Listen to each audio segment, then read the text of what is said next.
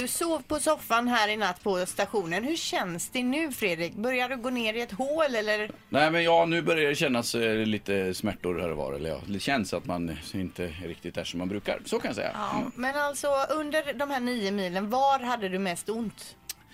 I, precis under vänster skinka i eh, typ baksida lår, där hade jag som mest ont. Ja. Hade jag. För du har ju opererat knät ett par gånger så du fick ju åka lite snett vad jag förstod. Alltså att du fick kompensera med ena benet. Ja. Du svängde lite hela tiden åt Ja, visst. Det var vänster. därför det blev så jädra långt. Ja. extra. Nej men det, var, det blir så när jag ska uppförsbackar så kan jag inte trycka till riktigt med höger utan då Nej. ja, lägger man mer tyngd på vänstern och så vidare. Så, ja. Men hjälpte det att du visste att vi alla trodde på dig?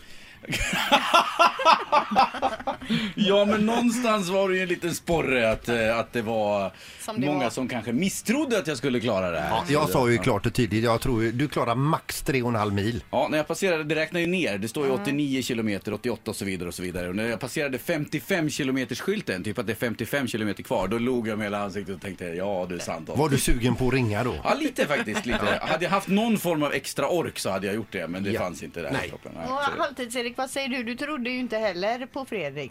Eh, jo, jo, det tror jag väl, eller det gjorde jag väl.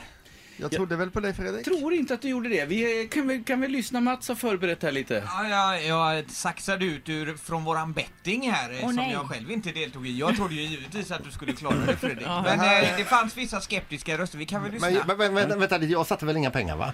jag har vi inget lyssnar. minne av detta heller. Vi lyssnar så får vi höra. Inte. Fredrik åker bra. Eh, Jag har ju sett dig. Så jag tror att du klarar det. Jag Tackar. sätter eh, Fist hund- bump. 100 spänn på att Fredrik klarar det. Nio mil, 100 kronor. Men jag tror eh, 3,7 mil, max 100 kronor. 3,7 mil, 100. Max 100, men är det 100? Inte mer. Nej, 100 kronor alltså. Max 3,7 mil, 100 kronor. Ja, för jag tror, jag tror du klarar fem mil och där, det satsar tusen spänn på. Ja, men, Jo, det är klart jag ska vara med. 8000 sätter jag! För att han inte klarar det! Ja, inte klarar det. Herregud vad jag är rik. För jag vann väl då. Ja, det gjorde Ja, det kan man säga, det gjorde verkligen inte Erik. Nu måste vi Erik, räkna hur här ska du då. lösa det här? Två eh, årslöner Erik. Minst. Ja, det här är ju jättejobbigt. Vi ska ju åka på semester i sommar tänkte vi. Det var runt 8000. Men Där det, rök alltså, den jag trodde inte semestern. det här var på riktigt. Jag trodde du bara skojar lite i programmet. Sandholt 100 spänn, Linda 1000 och Erik 8000. Men det är Allting klart du till ska Anna. åka på semester Erik, det är bara att man, man får styra om semestermålet. Ty- Typ, Nu får jag väl tyvärr åka till Borås eller något Nej, annat. men jag har ett bra tips annars, gå mellan Sälen och Mora. Ja. Bra. Mm. Jag har ett bra tips till dig Fredrik, nu när du är så himla bra på att åka skidor så kan du åka skidor från Borås hit varenda morgon istället! Ja, Jag måste bara i allt det här säga tack till Magnus som hjälpte mig igår. Vem är Eh, Magnus då? Magnus det är min svåger Mm. och han tog sig ledigt från jobbet och allt möjligt och åkte med mig upp för att vara serviceman och var helt fantastisk. Ja, ja. Satt han typ kvar i bilen under tiden som du åkte och åt, eh, åt chips liksom? Du, han, ja, han var väldigt bra med uppmuntrande grejer bara. När jag kom där och så letade efter någon buljong eller någonting bara. Ja, jag har ätit hamburgare nu! Så- Bara så Alltså, du vet att jag är mätt.